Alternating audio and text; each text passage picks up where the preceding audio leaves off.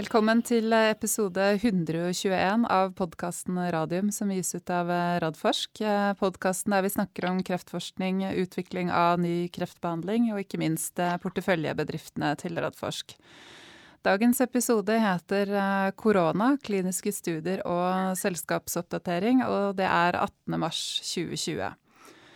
Velkommen i studio, holdt jeg på å si. Du er jo ikke i studio, Jonas Einarsson? Velkommen på telefon i studio fra hjemmekontor. Ja, Elisabeth. Jeg er, er, er, i karantene, så jeg sitter hjemme, men er frisk og rask og klar, klar til dette. Så bra. Og jeg sitter da i studio helt, helt alene. Um, vi skulle hatt med oss egentlig kliniker Aslaug Helland fra Radiumhospitalet og Espen Basmo Ellingsen fra Ultimovax uh, for å prate om mesoteliomstudien til Ultimovax, eller til egentlig Oslo universitetssykehus der Ultimovax sin vaksine skal prøves ut sammen med en sjekkpunkthemmer fra BMS. Men eh, i, i, forhold til det at eh, Aslaug er kliniker, så hadde vi ikke noe lyst til å utsette henne for eh, noe som helst risiko. Så den eh, har vi satt litt på vent. Um, det har vært en spesiell eh, uke, Jonas. Eh, på Aktuelt skjedd siden sist så har vi satt opp noen punkter som vi skal gå gjennom. Siden vi satt her for en uke siden med Hege Russnes og Kjetil Tasken, så er da Norge praktisk talt uh, lukket. Skolen ja. og barnehagen er stengt. Um, jeg så at oppdaterte tall fra Nav uh, siste uken uh, viser at 45 000 mennesker i Norge allerede er permittert. 84 000 er arbeidsløse. Det har vært en voldsom økning på siste uken. Og mange frykter eh, permitteringsvarsel. Det er mange hjemmekarantene, og økonomiske situasjoner er veldig alvorlige. For både store, store og små bedrifter, og børsene de går jo ned verden over. Hva, hva, tenker du om det som skjer, Jonas? Jeg tenker at Vi er inne i en svært uh, alvorlig situasjon, men jeg tror også både myndigheter og, og vi selv uh, tar dette på, på fullt alvor. Dette kommer til å gå over, men det kommer nok til å ramme oss eh, spesielt økonomisk mye sterkere enn det vi de fleste av oss eh, hadde, hadde forutsett. Men eh, nå gjelder det å ha litt is i magen, tenker jeg. Også gjøre alle tiltak som vi kan gjøre. Vi kommer tilbake til det senere, men vi må være klare til å, å starte opp igjen når vi får klarsignal fra myndighetene til å gjøre det. Og i mellomtiden følge alle råd. Det er det viktigste. Mm så oppdatert i går fra Helse Sør-Øst at de har allerede nå 4000 ansatte i karantene. Eh, så det sier seg jo selv at det er jo noe som sterkt går utover driften på sykehusene som tilhører Helse Sør-Øst. Og det betyr jo at eh, aktiviteten på sykehusene nedskaleres, men de melder at det per nå i hvert fall ikke går utover kapasiteten. Eh, men vi skal også Ja, fortsett du, Jonas. Ja, det, det gjelder jo spesielt kapasiteten for å behandle de eh, akutte og alvorlig syke. Ikke bare koronasmittede pasienter, men også alle andre pasienter som er, er akutte og alvorlig syke. At vi har kapasitet til det. Og jeg, jeg vet at, at, sykehusene har vært veldig tidlig ute og med veldig strenge betingelser for å sende folk i karantene. For Det betyr jo også at de da som ble sendt i karantene for en uke siden, de er klare til å jobbe igjen om en uke. Og, og Hvis man da får en rullering her, så er det jo ikke sånn at de 4000 som nå er i karantene, ikke er på jobb i løpet av denne perioden. De vil jo suksessivt komme tilbake når karantenetiden er over. og Hvis vi da klarer å på en måte få en rullering av folk som er i aktivt arbeid og eventuelt i karantene, så klarer de forhåpentligvis å opprettholde den viktige delen av, av helsevesenet vårt. Mm. Ja, for det, som du sier, så akkurat nå så handler det jo om å dempe smitten mellom mennesker av eh, koronaviruset, og så flate ut kurven, som på en måte har blitt, blitt et begrep. Det at man ikke får en overbelastning i, i helsevesenet i form av det at for mange blir veldig syke av covid-19 på en og samme tid. For de vil jo da trenge hjelp på intensivenheten og få pustehjelp i respiratorer. Um, ja. Jeg vet ikke om du har hatt tid til å oppdatere deg noe på viruset? Jeg ser jo det er uh, ny forskning uh, som blir sluppet hele tiden. Ja, jeg prøver å, å følge med uh, på det som kommer. og Det mest interessante er jo etter hvert disse WHO-rapportene som kommer ut fra Kina. og Det er jo der vi, vi nå kan lære da, litt mer om hvordan viruset oppfører seg. Eh, tallene er jo forskjellige, men, men, det er jo ingen tvil om at dette er et virus som sprer seg med mer enn influensavirus. Og Tallene har jo variert fra 1,3 til 3. Altså at én smittet pasient smitter 1,3 til 3 andre personer. Og Det er ganske mye mer enn det influensaviruset gjør. Og Det gjør oss vel sikre på at dette med å, å, kjøre denne isoleringstaktikken antagelig er riktig. Og Så diskuteres det om man ikke bare skulle latt det slippe løs og få en flokkimmunitet som gjør at som vi får eh, når mer enn 60-70% er smitta. Men det vil jo føre til denne voldsomme høye bølgen. Uh, hvor folk da ikke vil få nok hjelp. Og Så viser det seg at de, de aller fleste har et mildt forløp av dette. Uh, de er antagelig smittebærere i tre dager før det slår ut. Det er de siste tallene jeg så. Og gjennom den perioden man er syk. Og veldig varierende hvor lenge man er smittebærer etterpå. Vi har sett tall fra Italia og Kina på at de kan være smittebærere opptil 20 dager. Men det ser ut som det er de mest alvorlig syke. Mens de som ikke blir alvorlig syke, kanskje er en fem til syv dager, som vel nå er anbefalingen. At man eh, holder seg holder seg inne hvis man er, er interessert. Så vi vet litt mer, men vi vet fortsatt ikke nok. Det vi vet er jo at dette er helt nytt. Det betyr at det er ingen naturlig immunitet der ute. Eh, og Det er jo det som er utfordringen med en pandemi. Mm. Uh, ja, og det man jo også jobber nå hardt med, er jo nettopp å utvikle vaksine. Og i går, altså hva blir det for noe? Tirsdag 17. mars, så ble jo første pasient Eh, da altså gitt den vaksinen som de nå skal teste ut i en, eh, i en klinisk studie. Eh, den skal i første omgang testes ut på frivillige, friske Jeg tror det var 45 stykker så den ble, ja. ble meldt. Men, men, dette er jo altså Vi kjenner jo kliniske studier, Jonas, så dette vil jo ta tid. Det er Uansett hvor mye de rusher det, så vil det ta tid. Og det sitter nok litt i bakhodet, den uh, rushingen på, på vaksinen mot svineinfluensa som jo viste seg å ha svært uheldige bivirkninger. Så, så det De må være rimelig sikre på at både at den virker. Det finner de relativt fort ut. For det ser du bare at du får danna antistoffer mot eh, koronaviruset. Men det viktigste her er sikkerhetsaspektet, og det er nok det som kommer til å ta litt tid. Eh, så åtte til tolv måneder til er vel de tallene som jeg har sett som er, virker som er de mest uh, troverdige. Mm. Så kan du si er det ikke over da? Nei, det er ikke det. For et sånt helt nytt virus har vi sett tidligere at det går i bølger.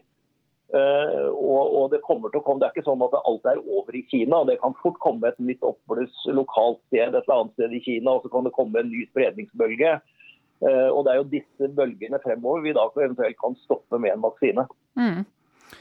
Ehm, det jeg så av forskning eh, for det, for det, har jo vært, eh, vært en del forundring rundt det at det virker, virker, som barn ikke blir så mye påvirket. Og det også så jeg noe forskning på fra altså kinesiske barn fra Wuhan som hadde blitt eh, hadde fått koronaviruset og fått utviklet covid-19. Men har, man har vel ikke helt skjønt hvorfor de ikke blir påvirket, men man ser at de blir det ikke i samme grad. Det... Nei, det, det, er helt, det, er helt, riktig. at det er eh, Jo, jo yngre, yngre man, eh, man, man, blir, kan man nesten si, så, så det, ser det ut som eh, de blir mindre påvirket. Og mindre påvirket tror jeg det, det riktige det du sier. for mm. vi, vi, kan ikke si at de blir mindre smitta, for det vet vi ikke ennå. For vi tester jo ikke barn. Eh, så, så, det vet vi ikke om de altså, i stor grad er smittebærere. Eh, det virker ikke som de er det heller like mye, men det vet vi litt mindre om. Og, og En annen viktig poeng med aldersgruppene her, det er jo når vi ser på, på tallene for smittede i Norge i aldersgrupper, så ser vi at det er jo en kraftig økning i aldersgruppen 40 til 50 og 50 til 55. Eh, det skyldes ikke at de er mer utsatt, det skyldes eh, skiturister. Så Det er litt viktig å huske på det. Jeg holdt på å si, Det eh, skyldes jo at dette er en gruppe som reiser. Dette er den ja. gruppen som reiste, og som vi fikk de, og også derfor at det er veldig mest i de store byene. Så vi må vente litt og se på det, men antagelig vil kurver og statistikker ligne det som er, er i, i andre land. Og ingen tvil om at det er de de eldste og de med annen grunnleggende sykdom, som det er de vi må forsøke å forhindre å bli smitta. Mm. så har det jo vært, eh, vært, og er en del diskusjoner, eh, si, både i media, men ikke minst eh, på sosiale medier, om hva myndighetene burde og kunne ha gjort annerledes. Jeg tenker at sånn som situasjonen er nå, så er det en diskusjon vi burde egentlig kanskje la ligge litt. Det er lett å være etterpåklok, og jeg har jo egentlig tenkt at man trenger en sånn type gjennomgang i ettertid.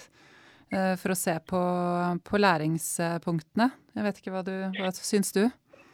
Jeg, jeg, jeg, er helt enig i det. Eh, nå har alle gjort det de kan og mener er det beste. Og myndighetene i Norge mente at det var viktig og riktig å ikke iverksette tiltakene før vi kunne påvise ukontrollert smitte. Dvs. Si at vi ikke klarte å finne smitteveien til den som var smittet. og Det skjedde torsdag ettermiddag i forrige uke. Og Umiddelbart satte man da inn disse tiltakene.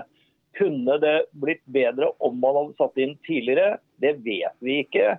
Det ville krevd mer ressurser, og ikke sikkert at det er riktig.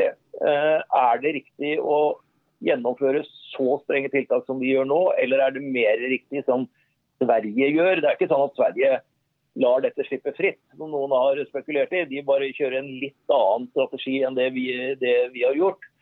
Er det riktig å teste flest mulig, som WHO sier nå, eller er det riktig å konsentrere testingen om de som det faktisk får en konsekvens for, annet enn at man går i karantene. Jeg er helt enig i at det, dette får vi oppsummere og lære av, men vi må virkelig ta lærdom og egentlig prise oss lykkelige over at denne globale pandemien her ikke har en SARS-dødelighet som f.eks. Eh, den hadde på, på 10% Det ville vært fryktelig ille, og det må vi være forberedt på at kommer før eller siden. og Da må vi virkelig ta lærdom av den runden vi er igjennom nå. Mm. Ja, for det er jo en viktig ting å understreke at dødeligheten ser jo ikke ut til å være Altså, den er ikke så høy. Selv om man nå enda ikke har god nok statistikk, i og med at det er så mange mørketall på antall, antall smittede. Men jeg ser i hvert fall at de, de bekjente av meg som er eh, leger eh, og som diskuterer da på, på, Facebook og andre sosiale medier, de mener jo fremdeles at, som du sier, da, at dødeligheten er, er, lav i forhold til SARS og i forhold til MERS, som jeg tror har en veldig høy dødelighet. Ja, nei, det, det har du helt rett i. Jeg tror også at vi, det, dødeligheten den må vi egentlig gjøre opp med, med, med, modeller når vi får sett dette, dette senere. For vi, vi har jo overhodet ikke kontroll på hvor mange som, som er smitta. Eh, så Det viktigste måltallet for meg personlig nå som jeg følger med på, det er at vi håper vi ikke får altfor rask stigning. Det er hvor mange som det krever sykehusinnleggelse. Det er, liksom det. Det, er, det, er det vi må konsentrere oss om nå. Mm. Og Per i dag så er vel det sånn ca. 70 stykker i, i Norge? Ja, Jeg husker ikke det helt siste tallet, men det er vel noe sånt. Eh, så har det jo Jo, Ja, men de politiske partiene de i Norge de står jo nå samla om en hjelpepakke til næringslivet på 100 milliarder eh, kroner. Og det handler, jo, handler jo, om å, å, komme seg over, over den kneika nå økonomisk. Holdt på å si, er det mulig, og er, er den pakka som de nå har kommet med fra myndighetene og og opposisjonen, er den god nok, sånn som du ser det, Jonas? Eh, jeg tror dette er en veldig bra start. Eh, jeg er veldig glad for at det nå er politikere fra forskjellige partier som får lov til å legge fram forskjellige typer pakker, og ikke bare regjeringen som viser at dette er et, et felles politisk løft, og at man nå ikke har noe sånn koronapolitikk. Det har vært noen tendenser til det, men, men heldigvis uh, veldig lite. Eh, jeg er ikke sikker på om det som er kommet nå er nok. Jeg kan ikke nok om de, de andre næringene som jo rammes desidert hardest. Jeg tror nok vi må komme med flere tiltak, men jeg er helt overbevist om at det kommer de tiltakene som er nødvendige for at norsk næringsliv kommer igjennom dette. Og det Vi har verktøyskassa.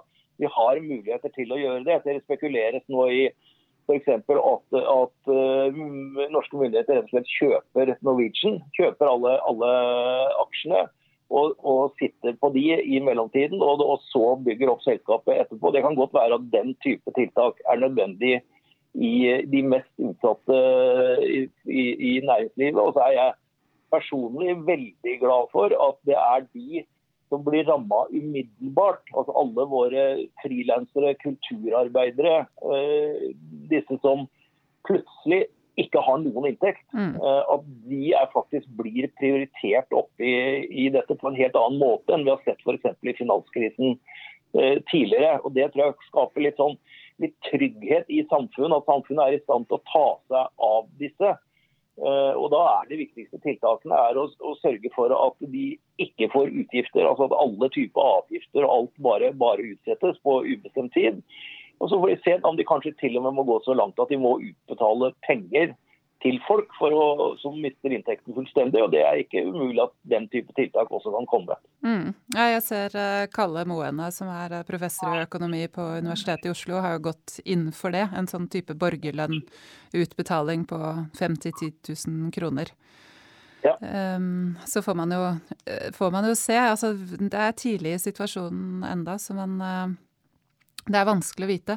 Men du nevnte før vi gikk i studio at det er laget et uh, Facebook-initiativ for startups. Kan du ikke si litt om det?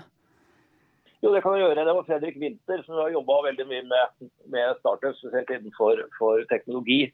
Som tok det initiativet, og så man kunne lage en sånn koronadugnad for, for, for startups. Uh, og Det har kommet mye positive innspill der, og det har kommet innspill til Finansdepartementet.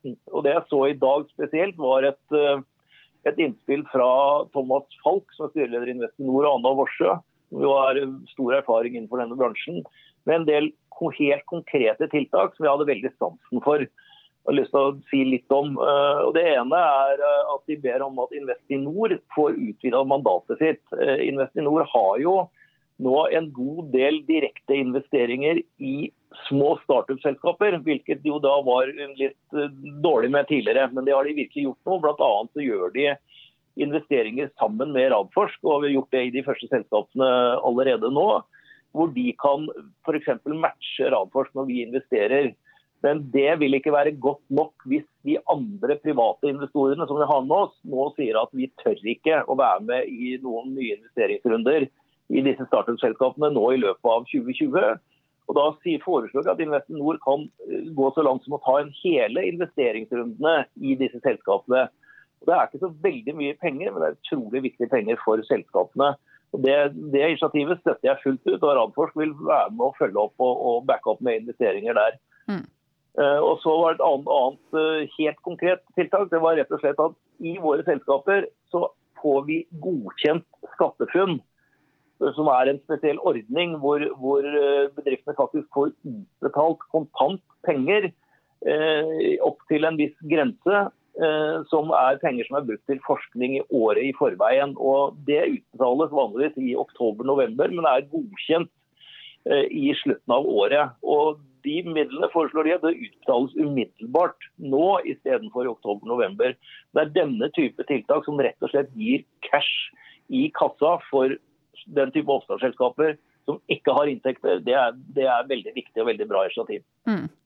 Det høres ut som eh, gode tiltak. Husker du hva den Facebook-gruppen heter, hvis det er noen av våre lyttere som har lyst til å gå inn der?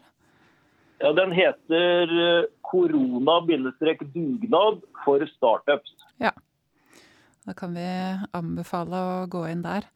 Eh, ja. En annen anbefaling er eh, er å høre litt på DNB sin podkast eh, Utbytte. De legger ut én til to episoder hver dag eh, nå.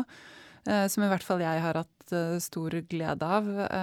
For å høre Altså for å få litt innsikt og overblikk over de økonomiske konsekvensene globalt. Jeg vet ikke om du mm. har lytta noe til den? Det har jeg ikke hatt tid til. Nei, det er noe med det. selv, om, selv om det er hjemmekontor, så er det nok å gjøre. Ja. Ja, og det, da kan jo jeg komme med et hjertesukk. At vi som faktisk da har hjemmekontor og i tillegg nå skal ha hjemmeskole, da har man ikke så veldig mye ekstra tid. Men, eh, ja, men det er jo Man får jo se på det at nå får man jo en innblikk i hvordan barna sine lærer, da. På godt og vondt. ja. Så kanskje man setter pris på skolen? Ja, det setter pris på skolen uansett, men kanskje enda mer nå. Um, siste ting eh, vi kan ta her på, på Aktuelt skjedd siden sist, uh, til vi går over til litt mer sånn uh, nærere ting for Radforsk, det er jo uh, hvor lenge Norge kommer til å være nede. Noe som vi ikke vet per i dag. Altså nå er det jo Skolene er jo stengt ut neste uke. Men jeg ser at Arnoldo Fregessi har vært gjest her i studio i episode 66. Han er professor i biostatistikk ved Universitetet i Oslo. Han jobber nå med Folkehelseinstituttet med prediksjonene rundt koronasmitte. Han eh, mener at det kanskje kan ta en opptil to måneder til med nedetid. Men han, han, tar det forbeholdet om at det er veldig usikkert, og at man vet mer i slutten av neste uke, når man da har prøvd ut disse, disse to ukene med veldig stor sosial eh, distansering, da, som, som han håper skal ha effekt. Har du noen kommentarer til det, Jonas? Ja, jeg tror, altså, Hvis du skal lytte til noen, så må det være til han. Uh, men uh, ja, dette er fryktelig, fryktelig, vanskelig, for vi vet ikke hvordan tiltakene fungerer. Uh, noen steder har det jo fungert veldig bra, som i Shanghai f.eks. Uh, som vel snudde dette på fire-fem uker totalt. mens i Italia kan man jo lure på hvordan, hvor, hvor enden kommer og piken kommer, kommer der. Men, men jeg tror nok at en, en eh, to-tre måneder tror jeg når vi må regne med at vi er inne i litt sånn unntakstilstand. Mm. Det tror jeg man kan begynne å i hvert fall mentalt forberede seg på. Det er ikke noe quick fix, dette her. Men da Nei, det er det ikke. Fortsett. Nei, nei, nei bare, jeg, var helt enig med at det, det, det, det er ingen quick fix. Vi må, vi må, bruke hele verktøykassa og vi må ta dette, dette alvorlig. Så, så tar det den tiden det tar. Mm. Da skal vi over til litt uh, mer nære ting. Uh, du ble ut, intervjuet i E24 på mandag 16.3. Uh, den artikkelen ligger bak en betalingsmur, så for den som ikke får lest den, så tenkte jeg at du kunne gi en muntlig oppsummering. Det skal jeg gjøre. Eh, hvis man er, er, går inn på, på meg på, på, Facebook, så har jeg delt den der, og da får man åpne den. Bare som et lite, lite tips. Eh, men eh, nei, altså det var jo spørsmålet med selvfølgelig da først med I og med at E24 hadde hatt flere artikler nå om, om biotek-boomen både før og etter jul, hvor vi så svært hyggelig utvikling i, i de aller fleste av selskapene våre. Og, og, hvordan vi tenkte rundt det nå. Det er klart at Den, den boomen er jo her i dag fullstendig radert bort. Og, og våre selskaper har fått eh, kraftig juling på, på børsen. Eh, hva sluttresultatet av det blir, det tror jeg vi skal vente til eh, slutten av året med, med å se hvor, hvor mye de, de, kommer tilbake. Og Det viktige her for min del er jo at det er jo ingen fundamentelle forhold som har endret seg i selskapene. og det er også sier der, er jo at Paradokset er jo at selskapene våre unntatt Fotokur har jo ikke inntekter, så de mister ingen inntekter.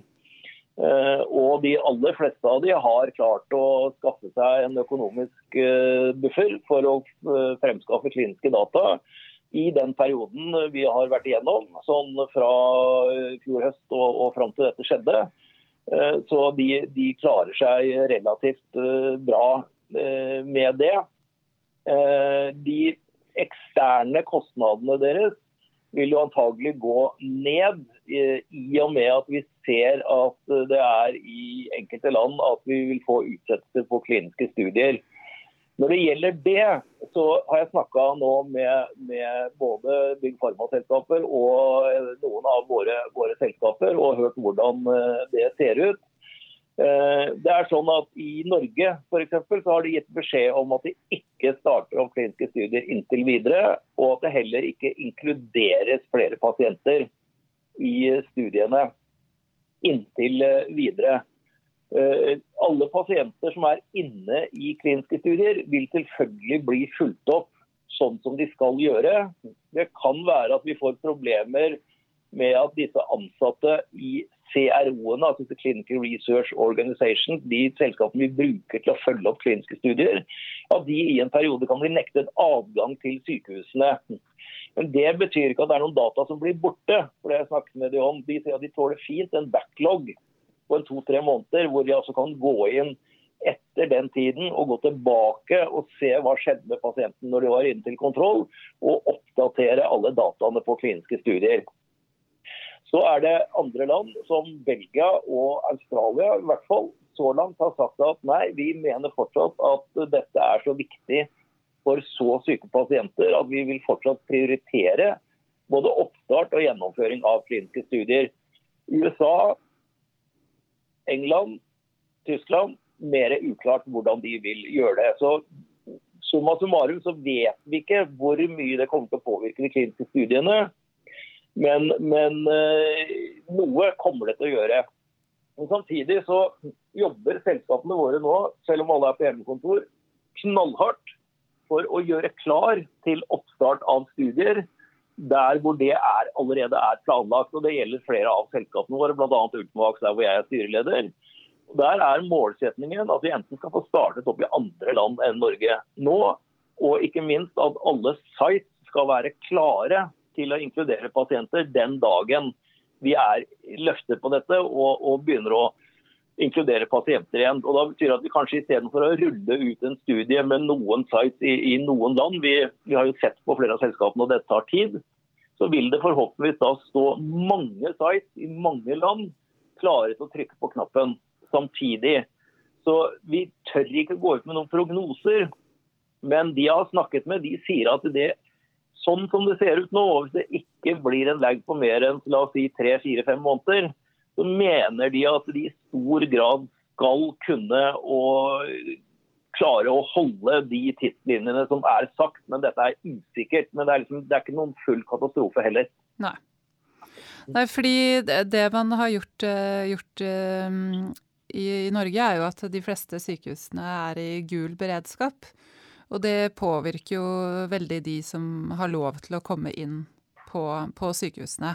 Så det er jo derfor ja. denne monitoreringen, altså oppfølgingen fra CRO eller fra firmaene, blir, blir, uh, blir skjøvet på. For de vil jo ikke da nødvendigvis få fysisk adgang til, uh, til sykehusene. Um, Nei. Også, og rent, økon rent økonomisk Elisabeth, så er det jo også sånn at uh, veldig stor grad av kostnadene til selskapene er tilknyttet kliniske studier og er tilknyttet eksterne kostnader til de kliniske studiene. Og det vil jo bli forskjøvet. Sånn at det er på en måte den interne burn-raten i selskapene med lønnskostnader og strømregninger og sånn.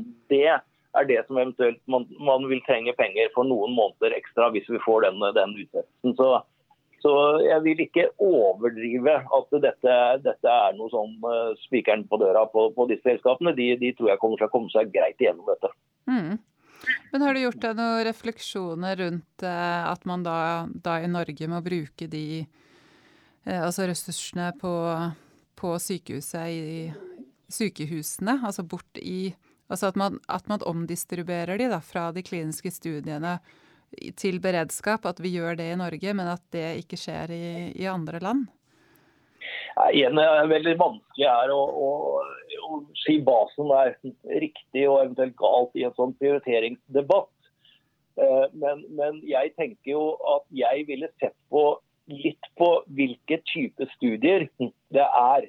Og Hvis det er studier der hvor det er sånn fullstendig unmet medical need, altså hvor det ikke er noen annen behandling enn den kliniske studien, så tror jeg nok at jeg ville, eh, og det er ikke så store studier heller, at jeg ville nok prioritert at de studiene skulle gå, og de pasientene skulle få denne muligheten til, til eh, behandling. Eh, mens andre større, mer markedsrettede kliniske studier ville jeg stoppet opp. Så, men, men, dette er fryktelig vanskelig å ha noen klare meninger om, om hva som er riktig og ikke i prioriteringen. Mm. Ja, det jeg tror er, som jeg ser fra, ser fra, Danmark, er jo nettopp det at de første First in Man-studiene, de, de krever jo at du har tilgang til intensivenheter i tilfelle det skulle skje noe. Så det vil jo være ja. en utfordring nettopp ved de type studiene. Det, det, det, det, har du helt rett i, Elisabeth. At jeg, jeg ville kvidd meg for å kjøre i gang toppstudier med, med, med, sånn som det er nå. For vi må jo ikke, ikke belegge mer på intensiv. Så som du ser, det er, det er masse ting, faktorer som spiller inn her. Så dette er dette tror jeg vi skal overlate til, til våre svært dyktige fagfolk på, på sykehusene å gjøre de riktige prioriteringene. Absolutt. Um, for de som ønsker å følge oppdatering i forhold til hva som skjer med kliniske studier på de ulike sykehusene i Norge, så kan de gå inn på Legemiddelindustriforeningen, altså LMI, sin eh, nettside, hvor de har en artikkel om hva som er status for de ulike sykehusene. Eh, som de også har eh, sagt at de skal holde oppdatert. Ja. ja. Um, skal vi se Ja, er det noe i forhold til disse, de selskapene du har vært i kontakt med, er det noe mer du vil si i forhold til det og hvordan situasjonen er for dem?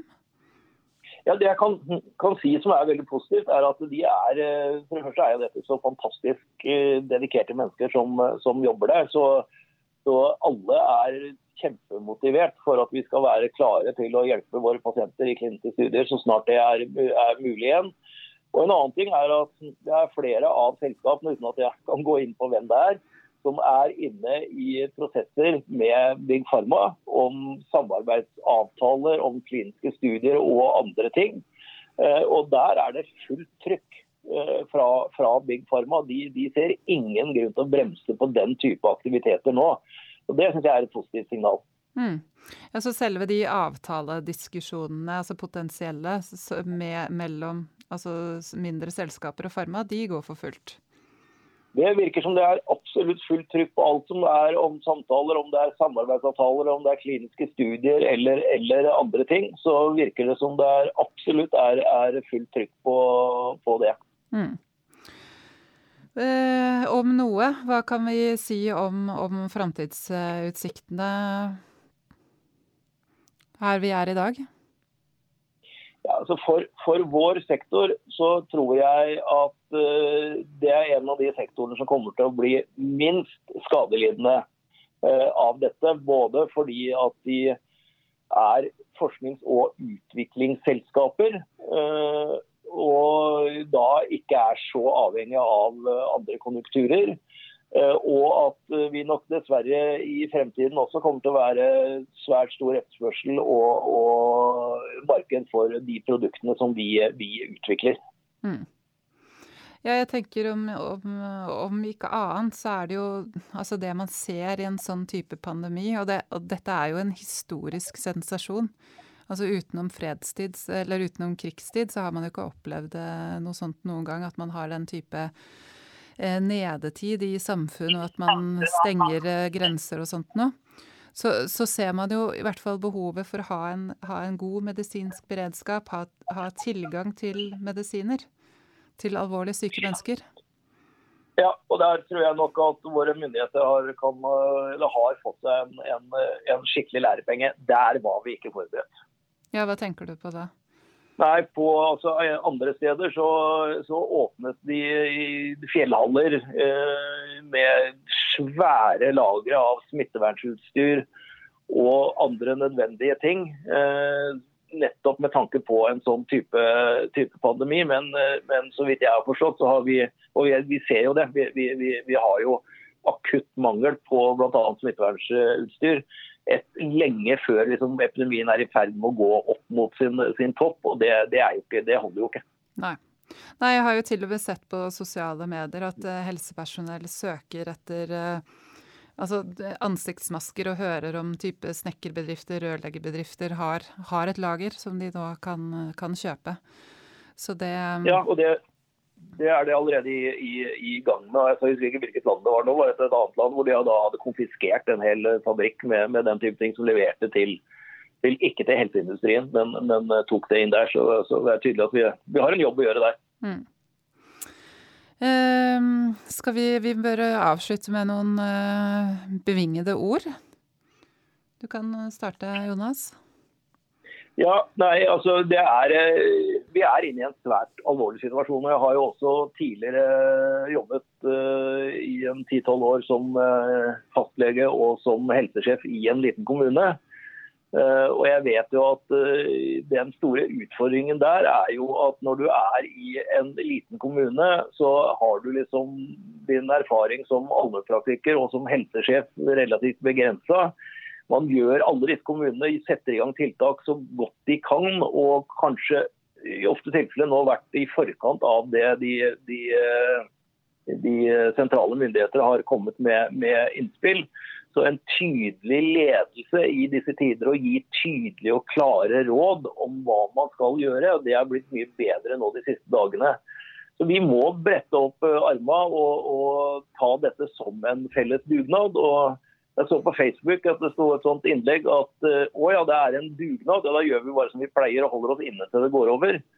Og Det er jo i dette, dette tilfellet det er da helt riktig. Og så er det den gode, gamle håndvasken. altså Det er det viktigste tiltaket. Mm. Og, det er, ja, og det er håndvask, antibac, hvis ikke du har tilgang til såpe. Og der har jeg sett at det er flere både videoer og, og, og faktisk forklaringer kjemisk på hvorfor det er såpe som er så effektivt mot koronaviruset. Det har, har med hydrofobe og hydrofile deler å gjøre. Så det kan man det er, søke på. Ja, de har sett et par av de også. De er, de er, de er, liksom, de svært illustrative. Da ser du at det er at såpa gjør så mye mer for, mer for å fjerne viruset fra de, de steder man bruker den til å vaske med. Så, så det er svært viktig å følge de rådene der. Mm. Jeg eh, tror til sist også at vi skal si at uh, dette er jo, altså som vi har snakket om, det er en historisk situasjon. Det er, det er, en stressende situasjon. Det er mye usikkerhet. Det kan være mye frykt, det kan være mye engstelse. Det er for så vidt både naturlig og menneskelig å bli uh, sint, redd, frustrert. Men det er jo da også viktig å ikke ta det utover andre. Um, jeg syns jeg ser en tendens til litt krass tone i en del kommentarfelt på, på, sosiale medier, som jeg tenker at man kan kanskje gå litt inn i seg selv og tenke etter om er dette virkelig nødvendig i den situasjonen vi er i nå. Um, ja, nå må vi, jeg er så enig, Elisabeth. Nå må vi ha en felles dugnad hvor vi har felles positivitet. Så vi burde ikke bare isolere oss selv, vi burde isolere disse nettrollene også. Det er ikke tid og sted for det nå. Nei, og så tenker jeg også at man må være spesielt observant i forhold til det med falske nyheter, som vi også vet eh, florerer. Eh, hvis man skal, altså De rådene man skal følge, de kommer fra Folkehelseinstituttet og fra Helsedirektoratet, og de legger på Folkehelseinstituttet sine nettsider, og de ligger på helsenorge.no. Da Det er jeg helt, helt enig i. Ja. Men eh, hvis ting fortsetter som nå, så får vi prøve å ta en podkast igjen om en uh, ukes tid, eh, Jonas? Det gjør vi. Jeg, jeg, er her, jeg. Ja, du er på hjemmekontoret ditt. Så nå skal jeg kjøre rett hjem til hjemmekontoret mitt. Det var, eh, det var rart å være ute i den virkelige verden i dag. Det Selvpålagt hjemmekontor, det Men det, det er det som må til. Det er det dugnaden handler om. Så da skal jeg gå og vaske hender før jeg setter meg i bilen og kjører. Supert. Takk for i dag, Elisabeth. Takk skal du ha. Ha det.